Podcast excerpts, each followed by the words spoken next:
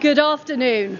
Det er første dag i jobben som Britenes statsminister for Liz Truss. I have just accepted Her Majesty the Queen's kind invitation to form a new government. Men landet hun nå er leder for, er på randen av økonomisk krise. Og folk må velge om de skal bruke lønna på strøm eller mat. Tirsdag 6.9 står hun på regnvåt asfalt utenfor den svarte døra til det nye hjemmet sitt, statsministerboligen. Med en plan som skal få landet på rett kjøl igjen. I have a bold plan to grow the economy through tax cuts and reform. Men det er en plan som kan gjøre hverdagen for mange briter enda verre. Og som skal ende i et gigantisk mageplask. Det er onsdag 5. oktober. Jeg er Marit Eriksdatter Gjelland, og du, du hører på Forklart fra Aftenposten. I dag med kommentator Kristina Pletten. Altså Liz Truss hun tok over en skute som allerede var i ganske hardt vær. Eh, men i stedet for å styre den inn i tryggere farvann, så har hun liksom fortsatt rett inn i stormen. Hun var rett og slett i ferd med å kjøre Storbritannia inn i en finanskrise. Og det som ligger bak her, det er jo at det går skikkelig, skikkelig dårlig med Storbritannia nå for tiden. Fortell, hvor, eh, hvor ille er situasjonen da i det Liz Truss overtar? Storbritannia har slitt med mange ting etter brexit, etter at de forlot EU. Ehm, økonomien vokser nesten ikke. Eh, den er fortsatt mye mindre enn den var før pandemien, i motsetning til f.eks. EU og USA, som har klart å vokse seg litt ut av krisen. Og så har de i tillegg blitt truffet av dette som mange andre land har blitt truffet av. Eh, kjempehøy prisvekst, høye priser på strøm, på gass. Og det har jo gjort at mange britiske familier nå er i en kjempevanskelig situasjon. Og det er mange vanlige folk, altså folk som har hatt det ganske greit før, som nå står i, i reell fare for å bli kastet ut i fattigdom. Organisasjoner i Storbritannia de advarer om at landet kan stå foran en helsekrise i vinter og at både barn og voksne kan gå rett og slett uten mat og varme hjemme. Så det er jo ekstremt kritisk. Så det ser ganske alvorlig ut for ganske mange familier, da, men kommer det noen historier allerede nå? Det aller mest hjerteskjærende, syns jeg, da, det er jo de rapportene som kommer fra britiske skoler om hvordan barna har det. Eh, og et eksempel som er fra en ny rapport som har kommet fra noen eh, organisasjoner som jobber mot fattigdom. Det handler f.eks. om en skole i Sør-London der en elev sitter og later som han spiser ut fra en tom matboks fordi at han ikke tør å eller er flau over at eh, familien rett og slett ikke har mat. Eh, et annet eksempel er en skole som rapporterer at barn forsøker å spise viskelær fordi at de er så sultne. Og et tredje eksempel en lærer som har måttet kjøpe inn brødrister og, og gi barn brød før undervisning undervisningen starter fordi de klarer ikke å konsentrere seg for de er så sultne. Det er helt utrolig å høre sånne historier fra Storbritannia, som er en av verdens største økonomier og en av Europas rikeste land. Og det er altså det her som Liz Truss er nødt til å fikse opp i, nå som hun er statsminister. Hun har vært en relativt ukjent skikkelse i det konservative partiet, inntil hun seilte opp i denne lederkampen etter Boris Johnsons mange fadeser. Eh, Truss har hatt litt sånn skiftende standpunkt. Eh, hun var mot brexit, men hele tiden så har hun hatt en ganske sånn sterk tro på at hvis man setter økonomien fri, altså frigir den fra liksom plagsomme skatter og, og, reguleringer og ting som holder bedrifter nede, mener hun da, så vil alt bli så mye bedre. Og det er egentlig veldig mye av utgangspunktet for hennes politikk. Ja, og nå skal denne politikken bli virkelighet. For øverst i stillingsbeskrivelsen til Liz Truss står én oppgave i capslock. Unngå at den britiske økonomien kollapser. Ok, så da Boris Johnson endelig måtte gå, da, etter skandale nummer 114, så eh, er det da endelig Liz Truss sin tur. Og hun tar over et land som nå må stå på egne bein, uten EU, hvor prisene på mat og varme har blitt kjempehøy, og hvor økonomien vokser mye saktere enn de hadde håpa. Hva er Liz Truss sin plan for å fikse det her, Kristina? Eh, Liz Truss sa allerede i valgkampen at hun ønsket å gjennomføre skattekutt. Og finansministeren hennes, som heter Kwasi Kwarteng, han la frem en slags skisse til en plan, da, en minibudsjett, for et par uker siden. Og i dette minibudsjettet så foreslo Truss og Kvarteng bl.a. å kutte masse skatt og fjerne masse reguleringer. Eh, de ville ta vekk toppskatten for de rikeste som tjener sånn opp mot to millioner kroner i året. Eh, de ville fjerne avgifter på boligtransaksjoner, og de ville også ta vekk et tak på hvor store bonuser folk i finansbransjen kunne få. Så dette var egentlig en sånn drømmeliste for eh, veldig konservative politikere. This means that we will have one of the most competitive and pro-growth income tax systems in the world. Og alt dette skulle de finansiere med å ta opp lån. Kjempestore lån.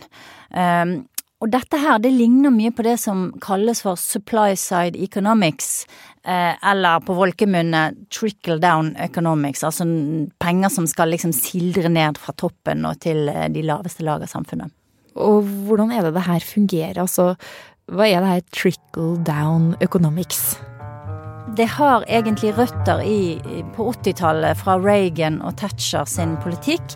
Det handler om at hvis man fjerner alle sperrene som hindrer økonomisk vekst, eh, altså at man lar næringsdrivende liksom få vokse uten å bli holdt tilbake, eh, så vil mer penger frigis i samfunnet.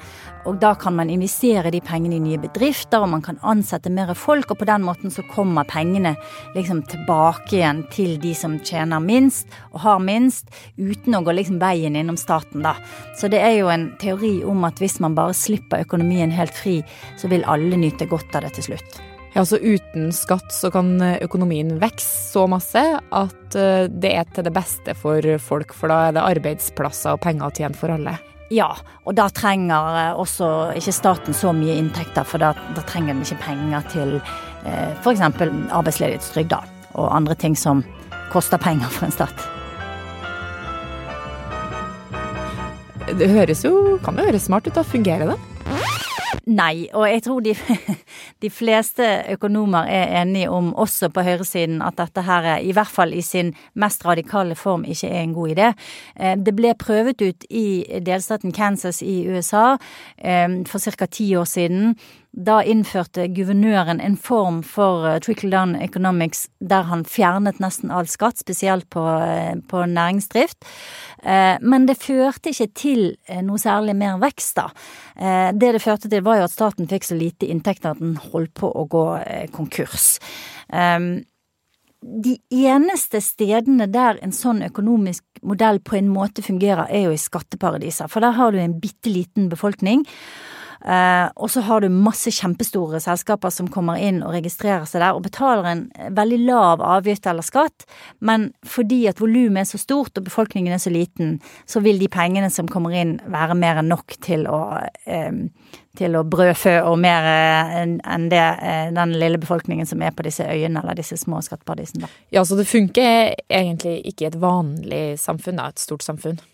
I hvert fall er det veldig få eksempler på det. Um, og nå prøvde jo Liz Truster og Kvarteng igjen å bevise at dette faktisk kan føre til enorm økonomisk vekst eh, ti år etterpå det feilete eksperimentet i Kansas. The British pound has crashed to a record low against the US dollar, with growing fears about the stability of the UK Og ganske med en gang kommer også reaksjonene. As the London markets opened, the pound's fall follows a frosty reception by the markets to the British government's announcement last week it will cut taxes and hugely increase the amount it Permanent tax cuts. We're talking about sort of Reagan-style trickle down, and that was not received really well. We saw the big um, Det som skjedde var at pundet stupte i verdi og nådde et historisk lavmål mot dollaren. Eh, markedene skalv over hele verden fordi Storbritannia er jo en stor økonomi, så dette her fikk veldig, veldig sterke reaksjoner og eh, førte til medieoppslag over hele verden og en masse styr og bråk. Og når det her skjer, så begynner også flere å blande seg inn. Nærmere bestemt IMF, Det internasjonale pengefondet, og de ber Liz Truss om å snu. Det er veldig, veldig uvanlig at de kommer med en sånn utfall, spesielt mot et så stort uh, og mektig land. Um, og så skapte jo dette her frykt verden rundt, i, både i finansmarkedene og andre steder. Og til slutt så grep altså den britiske sentralbanken inn etter noen dager. Saying that they are planning a gilt market operation, uh, which is an intervention from Uh, eh, begynt å sprøyte penger inn i økonomien for å stabilisere pundet og også stabilisere renten på statsobligasjoner. Britain may be teetering on the brink of something worse. Last night, the UK economy faced a major financial crisis, only averted by an extraordinary intervention by the Bank of England. Ja, for når eh, pundet eh, faller til bunnivå, børsene verden rundt skjelver, den britiske sentralbanken griper inn. Hvordan svarer Truss og Kvarteng på det? Det var jo litt interessant å se, for de sto jo på sitt i ganske mange dager. Eh, over en uke, tror jeg. Og de prøvde å argumentere for at dette var det beste for Storbritannia. Eh, og det virket også som de trodde at det skulle liksom blåse over. Men det gjorde det ikke. For kritikken hagler, og folk er sint. Enough is enough. Enough is enough. Enough enough. Opposisjonen er sint. Til og med folk i Truss sitt eget parti er sint. and it, it, just it speaks to your priorities, doesn't it? And so, yes, of course, this was the wrong moment for it. That's why I said they needed to change it. Og nå måtte den ferske statsministeren ta en avgjørelse. På dette tidspunktet vil jeg si hun hadde tre valg. Det første det var å gi etter for presset og snu. Eh, det andre det var å sparke finansministeren, ofre han, som å innrømme at dette var en tabbe, men liksom ikke ta på seg skylden selv. Det tredje, det var å stå på sitt og risikere å kjøre både nasjonen og sitt eget parti rett i grøften og føre eh, hele eh, verden egentlig inn i et eh, krakk. Og nå på mandagen så fikk jo også verden høre at Liz hun valgte løsning nummer én. Og det hun snur på, det er det forslaget det var mest bråk om, altså toppskatten. Hvorfor snur hun? Jeg tror at det var en blanding av denne kritikken som hun fikk fra sine egne partifeller. De var samlet til møte i Birmingham eh, i, helgen. Kritikken hun har fått og reaksjonene fra sentralbanken, som jo er de som skal holde økonomien i flytende. Og sikkert også en del av det enorme presset fra alle kanter, også internasjonalt, som gjorde at hun til slutt valgte å slu, da. Og så kom jo det rent praktiske at hun skulle jo også ha støtte støtte i parlamentet for disse forslagene, og hun innså vel også at det var vanskelig å få flertall for eh, når så mange i hennes eget parti egentlig var imot og var kritisk. Hvilke konsekvenser har egentlig det her fått? Nei, altså dette her var jo en helt ufattelig feilberegning, og det er veldig rart at det har skjedd i det hele tatt. Um, jeg lurer jo på om hun har levd litt i en boble av dårlige rådgivere eller eh, folk som har vært veldig opptatt av denne økonomiske modellen, og at de ikke har lyttet nok til den motstanden som jo må ha vært der, og som var der, eh, og at de ikke skjønte at disse reaksjonene ville komme, da. Eh, de må jo ha visst at det ville komme en viss motstand, men, men de har ikke sett omfanget av de har ikke lest situasjonen riktig, rett og slett. Og det handler jo også om konteksten dette her ble satt frem i. Altså at man har en eh, strømkrise, inflasjon, krig. En veldig, veldig usikker situasjon både globalt og for folk eh, privat i familiene. Ja, for hva skal de, de gjøre nå? Planen er delvis skrota, og barn går nå sulten på skolen i Storbritannia? Ja, Eh, regjeringen er nå i en nesten umulig situasjon. Fordi at hvis de skal gjennomføre den politikken eh, de har sagt de vil gjennomføre, som er å lette skatter og avgifter, så må de sannsynligvis kutte i statens utgifter for å få det til, fordi at de kan ikke låne mer penger. Det er det som har skapt disse store reaksjonene, ikke sant. Eh, og det vil igjen da føre til at situasjonen blir enda verre for eh, mange briter, for mange britiske familier. Um, ikke sant, for da vil de få enda dårligere råd. Eh, staten har ikke råd til å gi mer krisestøtte, samtidig så stiger lånerenten, og alt blir egentlig bare verre, da. Og det eh, som det også vil føre til for Truss, er jo at hun svekker tilliten til eh, og oppslutningen om partiet. Hun faller jo allerede som en stein på meningsmålingene. Så det er liksom det ene alternativet hun har. Det andre alternativet det er å ikke gjøre noe av det hun har lovd. Som jo eh, Ja, det kan jo man si en slags løsning, men da sitter jo du og ikke gjør noen av de politiske løftene du har gitt. Det jo heller, ser jo heller ikke noe særlig bra ut. Så jeg kan liksom ikke se noen vei ut av dette her for Liz Truss, eh, dessverre. Men eh, nå er det heldigvis ikke meg som skal eh, gi hun råd om hva veien videre skal være. Takk og lov.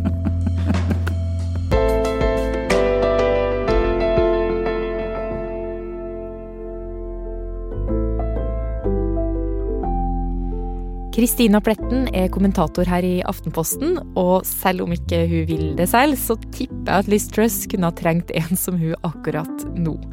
Lyd var fra Downing Street 10s YouTube-kanal, Nine News Australia, BBC, Sky News, CNA, ABC, Yahoo Finance og nyhetsbyrået AP.